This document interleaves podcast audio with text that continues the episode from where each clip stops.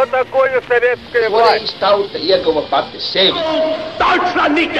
Liktenīgas nejaušības un slēptas likumsakarības, subjektīvas patiesības un objektīvi aizspriedumi.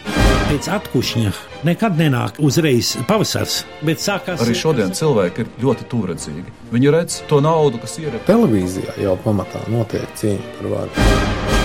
Pagātne no šodienas skatu punkta un šodienas caur pagātnes prizmu. Raidījumā šīs dienas acīm. Katru svētdienu Latvijas radio ēterā Eduards Liniņš. Labdien, cienījamie klausītāji! Pirms nedaudz vairāk nekā nedēļas Eirovīzijas dziesmu konkursā uzvarēja Džamala, Krimas tatāru izcelsmes Ukrainas dziedātāja. Viņas dziesma saucas 1944, un tā veltīta Krimas tatāru tautas izvešanai no dzimtenes, kuru īstenoja Staļina režīms.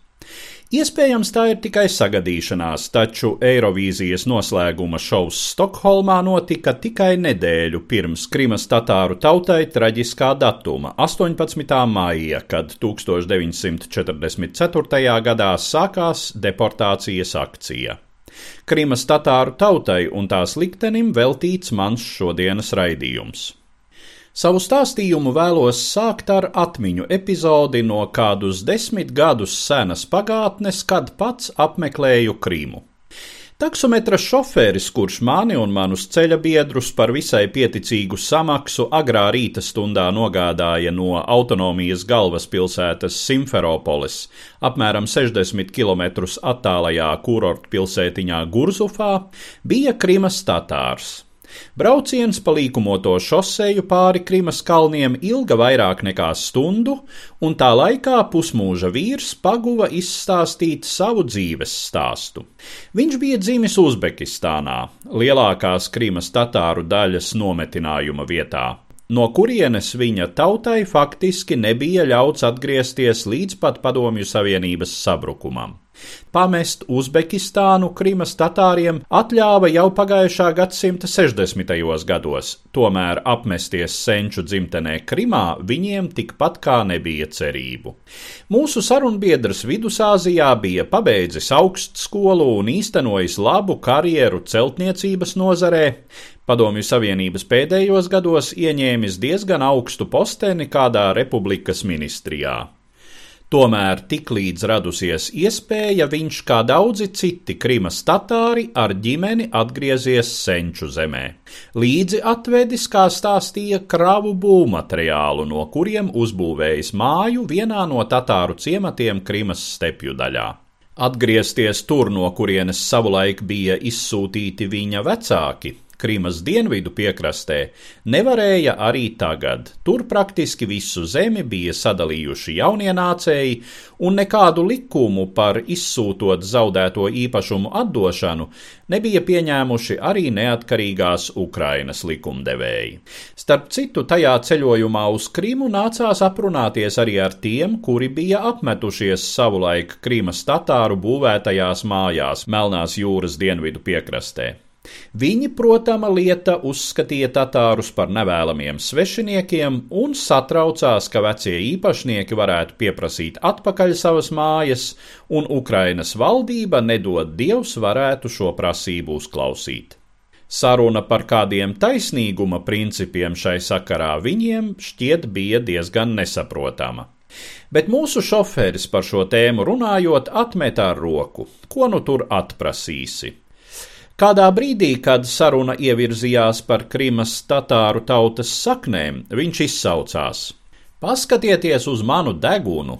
un pagrieza profilu, kas tiešām bija stipri līdzīgs Dantem Alighieri.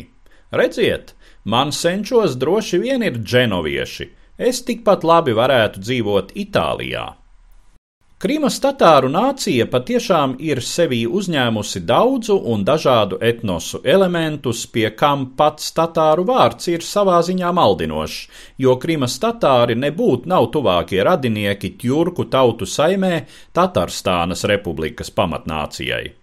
Krimas tatāru etnoģenēze notika laikā starp 15. un 17. gadsimtu, kad Krimas pussalas ziemeļdaļā un tai pieguļošajās dienvidu Ukrainas stepēs uzplauka Krimas Hāna valsts, savukārt pussalas dienvidi nonāca Osmaņu sultāna varā. Tāpēc par dominējošo elementu šim etnosam tiešām kļuva šeit runātie tjurku valodu dialekti un islāma ticība, bet tikai par dominējošo. Un manis savulaik sastaptais taksometra šoferis nebūtu nemelsa niekus piesaugdams dženoviešus, kuri 13. un 14. gadsimtā kontrolēja lielu daļu Krimas dienvidu piekrastes un viņi nebūtu nebija pirmie, kas šeit bija ieradušies pāri Melnajai jūrai. Jau 6. gadsimtā pirms mūsu ēras te savas kolonijas izveidoja senie grieķi. Grieķisks Krimas dienvidkrasts palika daudzus gadsimtus, kļūdams vispirms par Romas impērijas, vēlāk Bizantijas impērijas kontrolētu teritoriju. Tālāk uz ziemeļiem pussalas kalnos mitinājās senā tauru tauta, kas ilgi pretojās pakļaušanas mēģinājumiem un tikai pamazām asimilējās jaunāko ienācēju vidū. Uz ziemeļiem no šiem kalniem pussalas stepes senatnē apdzīvoja persiešiem radniecīgie skiti, bet vēlākajos gadsimtos te ieplūda vairāki ieceļotāju viļņi. Trešajā gadsimtā tie bija ģermāņu cilts goti, vēlāk tjurku tautas bulgāri, hazāri un kipčaki. Visas šīs ciltis nebūtu nesajaucās viendabīgā masā. Piemēram, goti savu ģermāņu cilmes valodu dažviet saglabāja līdz pat 18. gadsimtam, savukārt grieķi savu identitāti līdz pat 20. gadsimta vidum. Tomēr lielākā daļa šo elementu ieplūda Krimas tatāru nācijā, izveidojot kultūrāli un mentāli neatkārtojamu un ārkārtīgi interesantu veselumu. Starp citu, antropoloģiski Krimas tatāri piedara pamatā eiropeīdu rasei ar samērā nelielu mongoloīdu pieaugumu un arī ģenētiski ir vistuvāk Centrāla Eiropas iedzīvotājiem, lai gan šīs nācijas gēnu komplektā ir atrodams ļoti plašs spektrs. Savā apogejā uz 18. gadsimta sliekšņa Krimas Hana valsts bija attīstīta nevien saimnieciski, bet arī kultūrāli. Hāna galvaspilsētu Bahčisarāju ceļotāji no austrumiem un rietumiem raksturoja kā dārzos slīkstošu un ārkārtīgi tīru pilsētu. Hāna bibliotēka bija plaši pazīstama visā islāma pasaulē. Krīmas lielākajā pilsētā Simferopolē tolaik darbojusies kanalizācija un ūdensvats un pastāvējis teātris, kur izrādīts Moljērs franču valodā. Var pieņemt, ka netraucēti attīstoties Krimas tatāri spētu izveidot modernu nāciju uz Eiropas un Āzijas robežas, līdzīgi kā tas izdevās Turkiem. Diemžēl nonākšana Krievijas impērijas pakļautībā 1783. gadā šo procesu pārtrauca. Tiek minēti vairāki iemesli, kāpēc nākamajos simts gados Krima piedzīvoja plašu tatāru emigrāciju uz Osmaņu impēriju. Daļai emigrējušo tā bija reliģisku motīvu noteikta izvēle.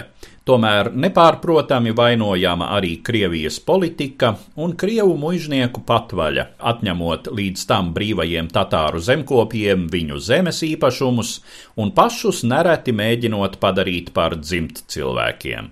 Pirmais un lielākais izceļošanas vilnis, kura rezultātā Krīmas iedzīvotāju skaits saruka no apmēram pusmiljona līdz kādiem 130 tūkstošiem, notika jau tūlīt pēc pievienošanas. Vēl 200 tūkstoši izceļoja 19. gadsimta vidū pēc Krīmas kara, kurā Krievijas pretinieku vidū bija arī Osmaņu impērija, un tas nebūtu neuzlaboja Krīmas tatāru attiecības ar cara valsti. 19. gadsimta otrajā pusē sākās intensīvāka krievu un ukraiņu ieceļošana Krimā, ko aktīvi veicināja Krievijas valdība, līdz ar to iedzīvotāju proporcija pussalā mainījās par labu pareizticīgajiem slāviem. Tomēr gadsimta beigās arī Krimas tatāri piedzīvoja nacionālās atmodas periodu, izveidojās moderna sabiedrības elite, attīstījās idejas par iespējamu kultūras autonomiju. Diemžēl 20. gadsimts nesa Krimas tatāriem jaunus, vēl smagākus pārbaudījumus. Krimas tatāru liktenim pieskāros sarunā ar vēsturnieci Dainu Blējeri. Saruna bija veltīta Ukrainas vēsturei un izskanēja ēterā 2014. gadā.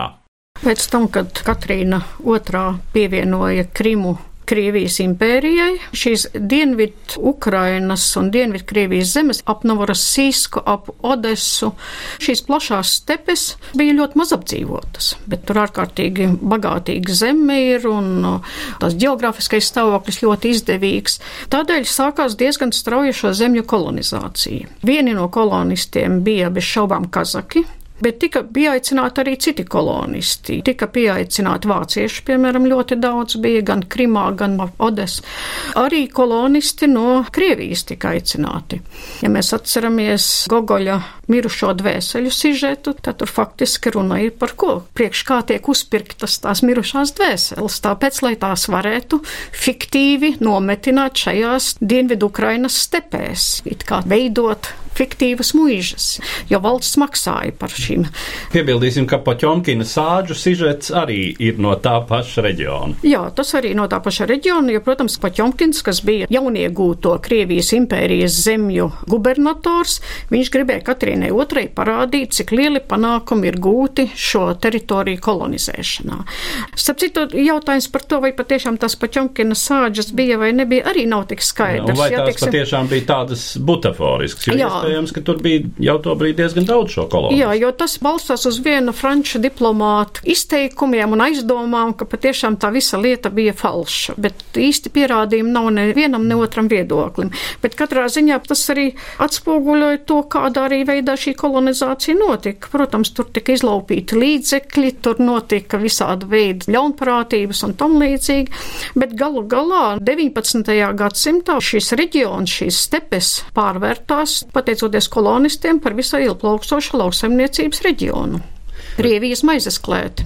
Nu, un pati Krīma. Kopš Krimas pievienošanas Krievijas impērija, protams, arī pašā Krimas pussalas, jeb salas teritorijā arī Krievi apmetās, apmetās arī Ukraiņi, vācu kolonisti un citu tautību kolonisti. Tā ka šis etniskais sastāvs uz 1917. gadu uz Krievijas revolūcijas laiku jau ir pietiekami raibs. Bet vienalga Krimas tatāri joprojām veido pamatiedzīvotāju galveno masu. Un 1917. gadā pēc Krievijas revolūcijas Krimas tatāri arī uz īsu laiku pat nodibināja Krimā savu valdību. Taču tā ilga vien pāris mēnešus, jo nāca atkal bolševiki, pēc tam nāca vācieši, kas okupēja Ukrainu un Kijevas radas, jeb centrālās padomes valdība, nāca Vrangelis. Tā ka šī situācija Krimā pilsoņu kara laikā bija ārkārtīgi sarežģīta. Tur visu laiku mainījās valdības un varas. Kad galu galā nodibinājās bolševiku vara, viņi tomēr ņēma vērā Krimas tatāru īpašo stāvokli, viņu vēsturiskās tiesības, un tika nodibināta Krimas tatāru autonomā republika, kura pastāvēja formāli līdz 1946. gadam, kad Krimas tatāri tika deportēti jau 44. gadā, un šajā Krimas tatāru autonomajā republikā viņiem faktiski tika garantētas zināmas politiskās tiesības. Visu līmeņu pārvaldes orgānos viņiem 30% vietu bija garantēts. Un arī, protams, pastāvēja sava veida kultūras tiesības, izglītība, tatāru valodā un tam līdzīgi. Cita saruna, kas tāpat izskanēja 2014. gadā, bija veltīta Padomju Savienības tautu deportācijai Otrā pasaules kara laikā. Kopš 30. gadu vidus pamazām notiek tādas zināmas pārmaiņas Staļina politikā. Ja līdz tam varētu teikt tā galvenā cementējošā ideja, kas bija padomju savienībā, bija šis proletāriskais internacionālisms, ticība vispasaules revolūcijai, kur agri vai vēl notiks. Tātad ienaidnieki bija pirmkārtām naidīgās vai šķietami naidīgās šķiras. Buržuji, bagātnieki vispār apzinoties, ka padomju vara tomēr pietiekami stingri nestāv uz kājām, un sevišķi kolektivizācijas rezultātā, kas lielā mērā satricināja sabiedrību. Jāņem vērā, ka Padomju Savienība tajā laikā bija pārsvara agrāra valsts, un represijas pret kulakiem skāra visu etnisko grupu ļoti lielu iedzīvotāju daļu. Šīs represijas bija ārkārtīgi smagas. Tam bija ļoti smagas gan ekonomiskās, gan sociālās, gan psiholoģiskās sekas. Tas bija satricinājums, kas līdz Padomju Savienības Vācijas kara sākumam nebija pārdzīvots nekādā ziņā un kas bija ļoti svaigs un kas noteica arī lielas daļas, tajā skaitā arī Krievu iedzīvotāju sadarbību ar vāciešiem vismaz kara sākumā, kad viņiem vēl īstas skaidrības nebija par vācu politiku. Bet ir pilnīgi skaidrs, ka meklējot kaut kādu ideju, kas varētu sacementēt padomu sabiedrību, arvien jūtamāk, ka tiek pievēršanās šai idejai par to, ka Krievu tauta ir šis cementējošais spēks un kā padomu tautas veidošanu, asimilējot Krievu valodā, kultūrā un tam līdzīgi, ka tas ir galvenais instruments, ar kuru var panākt etnisko viendabību lielāku un arī kaut kādā ziņā nomierināt šos cilvēku prātus un padarīt viņus uzticīgākus padomi varai. Un kara laikā, protams, šī ideja par Krievu tautu kā vecāko brāli kuru atbalsta jaunākie brāļi, Ukraiņi un Baltkrievi, un tad ir vēl tādi vēl jaunākie brāļi un mazie brāļi. Šī ideja jau visai izteikti noformējās. Tā parādās arī vairākās Staļina runās. Šīs deportācijas, kas notika Otrā pasaules kara laikā, iezīmējās ar to, ka šeit pirmo reizi tika pielietots tāds princips, ka tika deportēta visa attiecīgā etniskā grupa vai tauta. Neatkarīgi no viņu lojalitātes, no vecuma, no politiskās pārliecības un visa pārējā. Tātad visi, ieskaitot partijas biedrus, komunistus, republikas vadību un tam līdzīgi. Taču, protams, dažāda veida deportācijas nesākās tikai ar Otro pasaules karu. Tā bija jau prakse, kas bija Padomju Savienībā labi iestrādājusies. Liela daļa šo deportāciju faktiski varētu runāt par 1919. gadu jau, kad sākās šīs deportācijas. Teiksim, Kazaku pārvietošana 20. gadu beigās, 30. gadu sākumā kulaku deportācijas, tātad pēc šķiriskās, nevis pēc etniskās pazīmes. Etniskās deportācijas varbūt pazīstamākās pirms otrā pasaules kara, tas ir pierobežas rajonu attīrīšana no iedzīvotājiem, kuru tautas brāļi dzīvo otrpus robežai, piemēram, korejieši, poļi un tam līdzīgi. Un šādas deportācijas bija diezgan daudz, vācieši, piemēram, arī no Ļeņingradas un Somi un tam līdzīgi. Taču šīs deportācijas neskāra pilnīgi visus attiecīgās grupas cilvēkus. Tās bija ierobežotas tomēr ar tādu noteiktu teritoriju.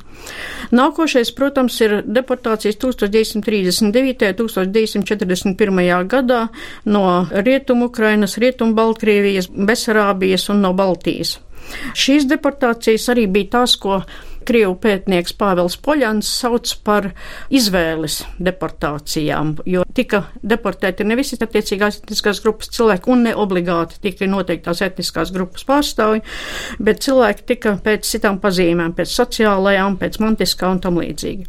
Otrā pasaules kara laikā tieši sākoties PSRS Vācijas karam, šīs deportācijas iegūst tieši etnisku raksturu.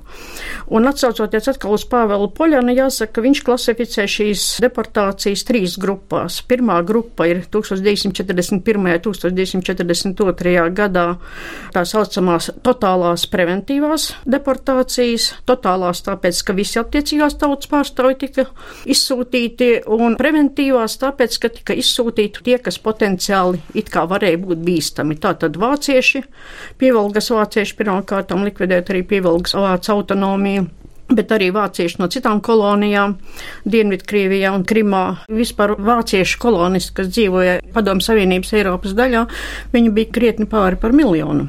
Daļēji Krimas tatāri, starp citu, bet daļēji tikai. Arī Somi no Ļeņingradas un Ļeņingradas apgabala, un nezinu, kāpēc arī Grieķi no Krimas un no arī Dienvidkrievijas rajoniem. Grūti saprast, kādēļ, jo Grieķija nekaroja ar Padomu Savienību. Otrais vilnis ir 1943. un 1944. gads, un tās ir tā saucamās totālās atriebības deportācijas. Visa tauta tika izsūtīta, un tai tika uzlikta kolektīvā vaina par to, ka visa šī tauta ir sadarbojusies masveidā ar vāciešiem, ar ienaidnieku. Un tās attiecās tātad uz karačajeviešiem, uz čečeniem, ingušiem, balkāriem, krimas tatāriem. Un pēc tam vēlāk, jau arī 1944. gadā, notika vairākas deportācijas, kur pat grūti saprast, kāda bija motivācija, ja nerunā par kaut kādām senākām etniskām pretrunām vai kaut kādiem ģeostrateģiskiem apsvērumiem. Tas ir Gruzijas un Turcijas robežas attīrīšana, piemēram, no Meskatijas turkiem, no Hemšiliem, kurdiem un dažu citu etnos pārstāvjiem, no musulmaņiem, kas dzīvoja Gruzijas un Turcijas robežas tūmā, kā arī atkal etniskas deportācijas no Krimas, teiksim, armēņi, atkal grieķi, kas vēl nebija deportēti un tam līdzīgi. Uzlikt vainu visiem, tas jau pats par sevi faktiski ir noziegums pret cilvēcību. Un nerunāsim arī nemaz par tām metodēm, kas tika izmantotas šajās deportācijās, par deportēto likteni tajās vietās, uz kurien viņas aizveda. Faktiski savā ziņā tas bija veids, kā risināt šīs nacionālās politikas problēmas. Vismaz Staļinam un drošībniekiem tolaik šķita, ka tas ir vieglākais veids, kā atrisināt šīs līdz galam neatrisinātās problēmas. Tā tad nav minoritātes, nav problēma. Jā, izkaisīsim viņu kaut kur Vidusāzijā, Kazahstānā, Kirgistānā, izkaisīsim viņu starp citiem cilvēkiem, vienkārši šīs problēmas vairāk nebūs. 1944. gada maijā tika deportēti apmēram 240 tūkstoši krimas tatāru. Viņi nonāca lielākoties Uzbekijā. Arī citas šai laikā deportētās tautas pamatā tika nometinātas Vidusāzijā. Apstākļi ceļā un jaunajās mītnes vietās bija iemesls lielam skaitam bojāgājušo. Krimas tatāru gadījumā maksimālās aplēses sasniedz 110 tūkstošus, jeb apmēram 45% no izsūtīto kopskaita. Līdzīgi skaitļi tiek minēti arī citu deportēto tautu sakarā. Turpina vēsturniece Daina Blējere. Viens iemesls varētu būt tas, ka nepiemērot klimatiskie apstākļi. Dažkārt, teiksim, Kirgīzijā it kā jau viņi tika pārvietoti arī uz tādām priekškalnēm vai kalniem, bet Kazahstānā stepēs tur klimatiskie apstākļi bija nepierasti. Otra lieta ir dzīves apstākļi un darba apstākļi tajās izsūtījuma vietās bija ārkārtīgi smagi, jo dzīvot nebija kur viņi dzīvoja kaut kādās dēļu barakās vai arī zemnīcās, kuras nācās pašiem rakt un būvēt, un nebija materiāli, nebija nekā. Teorētiski it kā ģimene varēja ņemt līdzi līdz pustonnai mantas, kad tā tika izsūtīta. Praktiski nevienmēr tas bija iespējams, un nevienmēr varbūt arī bija tik daudz tās mantas, ko ņemt. Vēl jau vairāk tāpēc, ja cilvēkiem no kalnu augliem bija jāiet kājām lejā uz savākšanas vietām, tad viņi vienkārši to pustonu arī nevaz nevarēja nogādāt. Daudzi arī nebija pietiekami labi apģērbti, viņiem nebija nekādu mantu līdzi, viņiem vienkārši nebija nekādu rezervju, uz ko balstīties. Atcerēsimies, ka tas bija kara laiks, ar pārtiku visur padomju savienībā bija ļoti slikti, un, protams, ka deportētie nebūtu nebija tā iedzīvotāja kategorija, kur apgādāja pirmām kārtām. Plus vēl ļoti smagais darbs mežu izstrādē, zvejniecībā, un tas viss galu galā veicināja mirstību. Ja, teiksim, salīdzinām, piemēram, ar baltiešu deportācijām, tad to drīzāk varētu salīdzināt 1941. gada deportācijai. Ar to atšķirību gan, ka šeit vīrieši netika atdalīti no ģimenēm, un ģimenēm šajā ziņā varbūt bija vieglāk. Bet, ja salīdzinām ar 1949. gada deportāciju, tad, protams, ka šeit latvieši, igauņi un lietuvieši, kas tika deportēti, viņi savā ziņā varbūt bija vieglākā situācijā, viņi vispār bija turīgāki tomēr, viņiem bija vairāk mantu.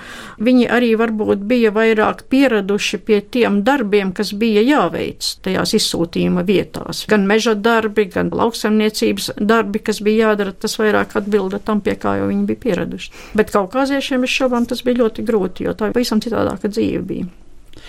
Runājot par šo tautu likteni, pēc tam, kad 50. gadu vidū tiek pārvērtēta staļiniskā politika, tā tiek 56. gadā daudzos aspektos nosodīta, notiek šo tautu vairāk vai mazāk rehabilitācija, bet tomēr šī tiesību atjaunošana ir visai selektīva. Kā zināms, runājot par Krimas tatāriem, viņiem teorētiski tiek atcelti aizliegumi par dzīves vietas izvēli 70. gados, bet eh, līdz pat 1989. gadam, cik var noprast, tad ar padomju pierakstu sistēmas palīdzību Krimas tatāri praktiski nevar atgriezties savās vēsturiskajās dzīves vietās Krimā. Kāda ir šī aina un kāds ir arī iemesls tādai selektīvai attieksmei? Tur jau ir tā problēma, ka pa to laiku, tiem 13, 15 gadiem, kamēr šīs deportētās tautas atradās izsūtījumā, viņu zemes, viņu mājas bija jau aizņēmuši citi cilvēki. Tajās vietās, kur apstākļi bija ļoti labvēlīgi, kā tas bija piemēram Krimā, gan dabas apstākļi, augsne un viss pārējais, protams, ka šie jaunie kolonisti nevēlējās nekur doties projām. Un līdz ar to tika darīts viss iespējamais, lai Krimas tatāri neatgrieztos savā savās iepriekšējās dzīves vietās. Sākotnēji vispār bija aizliegums, pēc tam šo aizliegumu it kā atcēla, bet faktiski visu iespējamo darīja, lai viņi nevarētu pierakstīties, un, kā zināms, padomu savienībā bija tā, ja tev nav pieraksta, tad tev nav arī tiesības dzīvot šajā vietā. Protams, Tatāri mēģināja nelegāli infiltrēties dažādiem ceļiem Krimā, bet tas, protams, izdevās diezgan nelielai daļai. 90. gadu sākumā it kā faktiski lielākā daļa tautu tika rehabilitētas un tām tika atļauts atgriezties mājās pilnībā. Bet jāsaka gan ar atrunu, ka neaizskarot tagadējo iedzīvotāju intereses, kas jau arī pats par sevi nozīmē to, ka viņam kompensēts nekas netiks. Bija tautas, kuras šādas tiesības neieguva arī 90. gados, piemēram, Meshetijas turki un vairākas citas nelielas grupas. Tie paši čečeni, inguši, balkāri, karačajevieši, kuri gan atguva tiesības atgriezties savā dzimtenē uzreiz jau 50. gadu beigās, 60. gada sākumā, viņu tā problēma bija tā, ka arī viņiem neviens netaisījās kompensēt, teiksim, zaudēto mantojumu, atgriezt tās mājas, kurās viņi bija dzīvojuši. Tā ka vienkārši viņiem nācās kaut kur apmesties citās vietās, būvēt mājas no jauna un kaut kādā veidā iekārtoties no jauna. Jā, un nekādas kompensācijas, protams, naudas izteiksmē arī viņiem. Nē, protams, nē, un tur jāņem vērā, ka viņiem taču bija, piemēram, lopi, kurus arī deportēja tikai uz Stavropolis apgabalu, un viņiem tika konfiscēts arī vērtslietas, valūta, ne tikai ieroči, un nerunāsim par visu pārējo, nekustamo mantu un kustamo mantu. Vai kaut kādas kompensācijas viņiem ir tikušas maksātas, vai vismaz šis jautājums ir kaut kādā veidā ticis risināts pēc Padomju Savienības sabrukuma? Nu, te gan jāņem vērā, ka tagad jau tās ir vairākas neatkarīgas valstis. Mēs runājam vismaz par trīs pamatā valstu, tātad Krievijas, Ukrainas un Gruzijas teritorijām. Mm ļoti smagi iet šis jautājums. Nu, teiksim, Čečenija varbūt šī situācija specifiski, tāpēc, ka sākās Čečenijas kari, un tur man pat grūti pateikt, kā viņi risina šobrīd šo jautājumu. Bet, piemēram, Krimas tatāriem viņiem vēl joprojām ir ļoti lielas grūtības un ļoti liela pretestība. Protams, viņi dažādos veidos arī cenšas lobēt savus intereses un panākt, lai tās ņemtu vērā, bet patiesībā tas viss notiek ārkārtīgi smagi.